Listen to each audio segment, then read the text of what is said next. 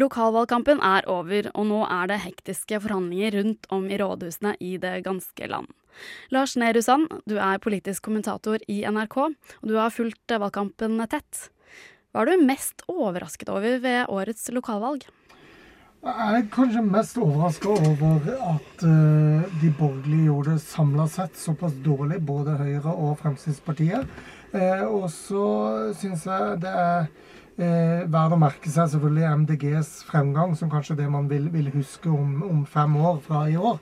Eh, og så hadde jeg kanskje trodd at Arbeiderpartiet ville gjort det enda bedre enn de faktisk gjorde, kanskje spesielt i, i Oslo, hvor de gikk tilbake faktisk i, i oppslutning. Så man kan altså si at selv om da Arbeiderpartiet nasjonalt gjør sitt beste lokalvalg på over 30 år, er det altså noe overraskende at Oslo Arbeiderparti ikke gjør det bedre, og de gikk jo da ned med ikke ubetydelig 1,3 eh, prosentpoeng. De vinner jo makt fordi, eh, fordi egentlig det er de Rødt og de Grønne som går frem. Så både Arbeiderpartiet og SV gikk tilbake i, i Oslo. Da kan vi jo gå rett inn på dette med eiendomsskatt. Det var jo store, hva skal man si, nesten svertekampanjer i forkant. Selvfølgelig den årlige fra Huseiernes Landsforbund, eh, men også fra, fra Høyre, høyresiden. Kan man si at det kanskje slo mindre negativt ut enn man kunne forvente? Ja, både òg. Jeg syns det er litt tidlig å, å liksom konkludere med om, om, det var en god valgkampsak for Ap eller ikke å kjøre eiendomsskatt. De vinner makt selv om de gjør det. De kunne gått mer tilbake, kanskje spesielt fordi presset mot dem var så massivt. Eh, Oslo Ap har, har, klart å forsvare eiendomsskatten eh, godt, men samtidig så er det jo ikke sånn at folk flokker til Ap, selv om de har eh, skatt som hovedsak og, og, forklarer det godt. Så jeg tror nok at Oslo Ap internt hadde ønska seg et uh, tydeligere svar på at det faktisk går an for et venstresideparti å forsvare økte skatter. Men de får et svar på at det går an å gå frem. Og så er det jo litt sånn at den røde blokka i, i Oslo går det er jo hovedsakelig Miljøpartiet som går frem, og jeg tror ikke eiendomsskatt er viktig i vurderingen av om man stemmer på MDG eller ikke. Eh, mens både Arbeiderpartiet og SV, som var ganske tydelige i eiendomsskattespørsmålet, gikk tilbake. Men så må vi huske både med Arbeiderpartiet og Høyre at de går tilbake fra ganske gode valg for fire år siden. Men det med eiendomsskatt er jo åpenbart for, fordi man eh, kan ha for mer velferd. Det er jo åpenbart. Men er det også på en måte en måte å Eneste muligheten å sikre seg et gjenvalg på et vis, for hvis da om fire år, og Høyre, eh, Arbeiderpartiet har jo ikke noe mer penger enn Høyre uten eiendomsskatt, så det er jo en måte også å vise at vi får faktisk, det er faktisk en forskjell med et uh, rød-grønt styre. Ja, jeg tror det. Jeg tror at det var, altså Arbeiderpartiet prøvde jo å vinne makten uten eiendomsskatt for fire år siden. Det klarte de ikke. Eh, og Da så de at de havna i en skvis mellom Høyre, som sa at vi styrer eh, det offentlige bedre, og SV, som sa vi har mer penger fordi vi, har, vi tør på en måte å gå til valg på eiendomsskatt.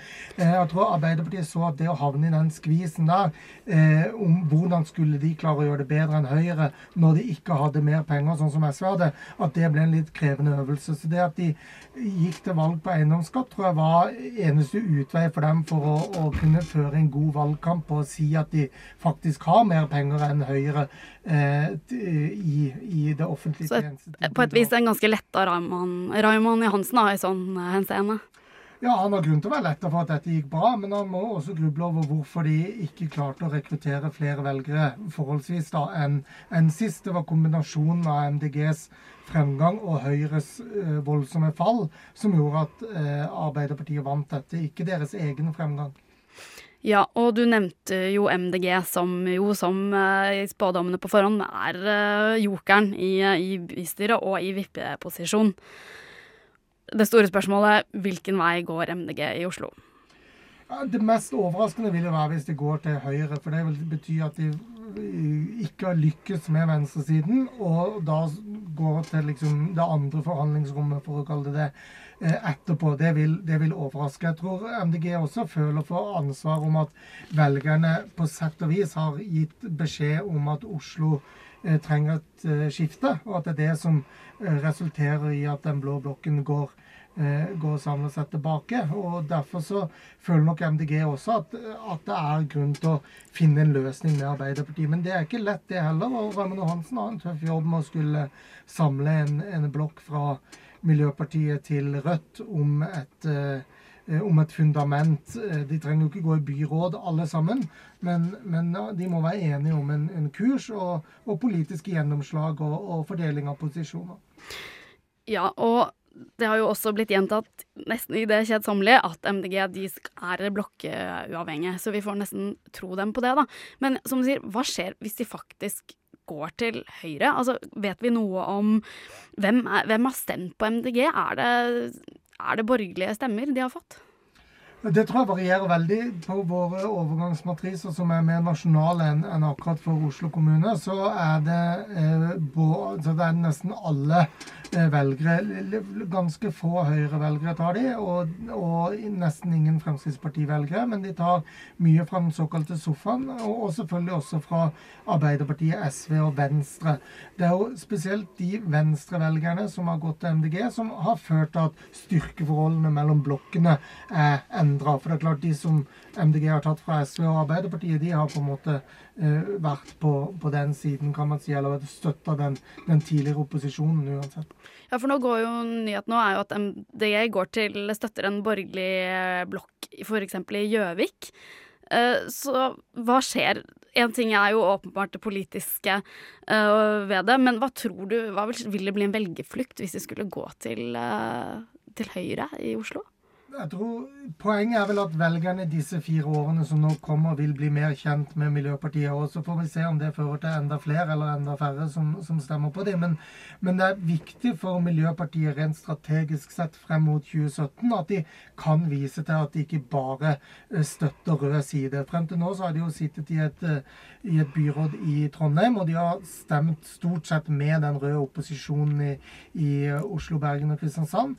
Eh, og de neste fire årene så må de også vise, hvis de er blokkuavhengige og det betyr noe for dem, så bør de i hvert fall finne et eksempel i en, i en relativt uh, betydelig norsk kommune, hvor de, hvor de også velger borgerlig, da. MDG er altså jokeren uh, i Oslo, og E18 kan bli en veldig viktig faktor um, til hvem som går til å sitte i, eh, i byrådet. Eh, vi skal høre et uh, lite klipp fra forrige ukes sending, der vi, hadde, der vi debatterte nettopp i E18. Vi hadde Lan Marie Nyen Berg fra altså da MDG, Øystein Sundelin fra Høyre og Abdullah Al-Sabeg fra Arbeiderpartiet. Og det er Øystein Sundelin først ut her. La oss høre her eh, ny modernisering av E18 er det mest grunnleggende i Oslopakke 3. Dersom Oslo bystyre sier at vi nekter å fortsette å være med på Oslopakke eh, E18, så er det det samme som at Akershus kommer til å forlate Oslopakke 3. Da er det historie. Det vil si at vi da er tilbake på start 1 for hvordan vi skal få finansiert Ahusbane, Fornebubane, nye trikker og ny sentrumstunnel for T-banen. Da må vi starte på nytt å finne en finansiering av dette. Og det kommer til å utsette disse prosjektene med mange år. Så det mest klimafiendtlige og miljøfiendtlige du kan gjøre ved dette valget, det er å stemme på Miljøpartiet De Grønne, som da ønsker å skrote Oslopakke 3. Hva, hva med dere, Noenberg? Er dere villige til å inngå noe kompromiss her? Vi vil ikke ha noen ny vei inn til Oslo som fører til flere biler. Og vi kommer ikke til å støtte noe byråd som vil ha flere biler inn til byen. Det er superviktig. Vi skal ikke bygge vei for å få penger til kollektivtrafikk. Det er eh, en veldig dårlig finansieringsløsning, og det tror jeg egentlig at både Arbeiderpartiet og Høyre er enig med meg ja, som vi hørte der, det var en skarp uh, tone mellom eh, MDG og Høyre i uh, Oslo, og lite villighet til å kompromisse på E18. Tror du nettopp E18 kan bli den store faktoren som bestemmer hvilken side MDG velger? Ja, det er i hvert fall en sak som, hvor det er lettere for MDG å bli, bli enige med SV, Rødt og, og for så vidt også Oslo Arbeiderparti enn høyresiden. fordi både Frp, kanskje enda mer om mulig enn en Høyre, har vært, vært tilhenger av at den planen skal følges som nær. Eh, og, og, det gjør jo at, at, veien synes litt kortere for, for MDG, og, og fått en enighet med et med et rødt uh, styre. Men det er klart det er andre punkter også som vil avgjøre hvordan de forhandlingene ender. Men dette er en sak hvor begge sider, altså både de som er for og mot en utvidelse av E18, har lagt så mye i potten gjennom valgkampen at det er vanskelig å se for seg et kompromiss eller en, en halvveisløsning som man skal kunne være fornøyd med. Men ja, dette er nå én ting, er nå hva Oslo-politikerne gjør, men de kommer jo ikke unna hva deres eh, respektive um, nabopartier, altså Oslo uh, Akershus Arbeiderparti og Akershus Høyre, mener. Hva skjer, tror du, internt både i Arbeiderpartiet og Høyre hvis nå Oslo sier nei, nå skroter vi E18? Jeg tror internt i Akershus, eller altså internt i Arbeiderpartiet, men, men hovedsakelig i Akershus og for så vidt også Buskerud Arbeiderparti, så vil det bli tatt eh, dårlig imot. Og det har også eh, vært eh, derfor Raymond Johansen ikke har fronta den saken like hardt gjennom hele valgkampen som, som han gjorde i vår. Eh, fordi han ser at dette er en sak hvor han kanskje har med seg et flertall i stortingsgruppa, men ikke nødvendigvis sine eh, nære allierte her på Østlandet. Og det betyr at han vet at det kommer til å avstedkomme en betydelig diskusjon i Arbeiderpartiet. Men jeg tror nok også at Er det mulig å finne noen løsninger? Er det noen mulighet til altså Det som blitt nevnt mye, er jo dette her slags miljølokket over Samvika. Er det tenkelig at uh, eh, f.eks. Miljøpartiet vil gå med på en sånn løsning. Uh, og så er jo store spørsmålet definisjonen av kapasitetsøkende veier eller ikke. Men, ja, si, men jeg tenker det, hoved, det noe Arbeiderpartiet ser, er at det er så viktig for de å vinne makta i Oslo at de er villige til å, å kanskje eh, Ja, at de prioriterer det høyere enn hva Akershus Arbeiderparti kanskje syns er eh, ja, ideelt for de. Eh, så det er nå det første når det gjelder akkurat Arbeiderpartiet. Når det gjelder Miljøpartiet, så tror jeg at de føler at eh, de er så bundet av, av, sitt syn på trafikkøkning. Og det er jo egentlig hele norsk politikk, fordi man har vedtatt en klimamelding på Stortinget som sier at all trafikkøkning i og rundt de store byene skal skje ved, ved sykkel, kollektiv og gang. Og det gjør jo også at, at, uh, at det å bygge mer vei, eh, kan utfordre det klimamålet. Men altså, Oslo Arbeiderparti kan være villig til å nesten dolke Akershus Arbeiderpartiet i ryggen her, da, for å få ordførerkjede? Det vil i hvert fall ikke overraske meg om det skjer, fordi det er så viktig for Arbeiderpartiet å styre Oslo. Og da må man legge mye i potten for å få til det. Skulle gjerne vært flue på veggen i de, i de samtalene, men ja, Det kommer nok til å gå hardt for seg. Jeg tror også SV og Rødt eh, kommer til å, å snakke eh, MDG Eh, ja, eller være enig med MDG. Og det vil jo også være tungt for hvordan Arbeiderpartiet hva slags rom de har til å manøvrere i den saken. Og denne Oslopakke 3 skal jo nettopp reforhandles nå, nå i vinter. Det var Oslo-politikken. Men la oss også trekke en parallell til valget, stortingsvalg i 2017. Der er det jo mye som har snakket om en mulig koalisjon mellom KrF og Arbeiderpartiet. Eh, og i Bergen eh, så har eh, KrF og Ap der begynt sonderingssamtalene. Eh, de, skal, de har allerede bestemt nå, de skal sammen i byråd. Hva sier dette deg? Nei, Det er for så vidt ventet at Ap går til KrF. Eh, det er jo nesten tippa, vil jeg si, at, at KrF ville bytte side etter Bybanekrangelen. Men det jeg syns er ja, oppsiktsvekkende, er at Arbeiderpartiet avklarer med KrF at de går i tospann før de snakker med Tror du det er noen, noen eh, nasjonale, på nasjonalt plan her som trekker i tråden og sier nå syns jeg at dere skal samarbeide her, fordi det er bra for oss i 2017? Jeg tror alle ser at det er i hvert fall lurt på sikt for Ap. Det de kanskje har lært av det rød-grønne samarbeidet, er at eh, makten for å danne eh, allianser som skal vare i norsk politikk, går via sentrum. Og Det var det Erna Solberg også prøvde på da hun ville få til en firepartisregjering i, i Nydalen, noe hun jo ikke lyktes med. Og da har hun nettopp også skapt den situasjonen at KrF er up for grabs, for å si det sånn. Eh, og Jonas Gahr Støre vet å utnytte det frem mot 2017. Men så skjedde en annen viktig ting i kommunevalget som kanskje overrasker meg vel så mye som det vi har snakka om til nå. Og det er at Senterpartiet gjør et veldig bra valg. Og det betyr jo at eh, Støre i i beste fall på en måte kan lage en sentrum-venstre-allianse som ikke er så avhengig av å ha med seg SV inn i en regjering, men kan få støtte fra SV på Stortinget f.eks. Og han kan eh, trekke store veksler på Senterpartiet og KrF, og nettopp da dra politikken eh, mer mot sentrum Tror du det er noe han personlig ønsker? En ting er noe ja, som vil skje med SV, men Han ser både Ja, det tror jeg.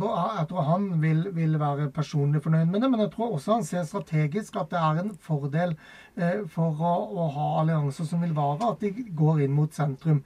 Uh, og jeg tror alle de regjeringene som har har vart, har i hvert fall skjønt hvordan man skal forstå sentrum. Eh, og Så får vi se hvor mye Arbeiderpartiet som parti er villig til å forhandle med KrF på, på likestillingspolitikk og andre områder hvor de tradisjonelt står litt fra hverandre. For det er jo nettopp det Erna Solberg får mye skryt i, i KrF for. Eh, for at hun i mye større grad enn f.eks. Jens Stoltenberg har forstått hvor KrF står i en del viktige kjernesaker for de kontantstøtte f.eks. Da blir det spennende å, å, se hvordan forhandlingene rundt omkring i Norges rådhus faktisk ender. Tusen takk til deg, Lars Nehru Sand, du er altså politisk kommentator i NRK.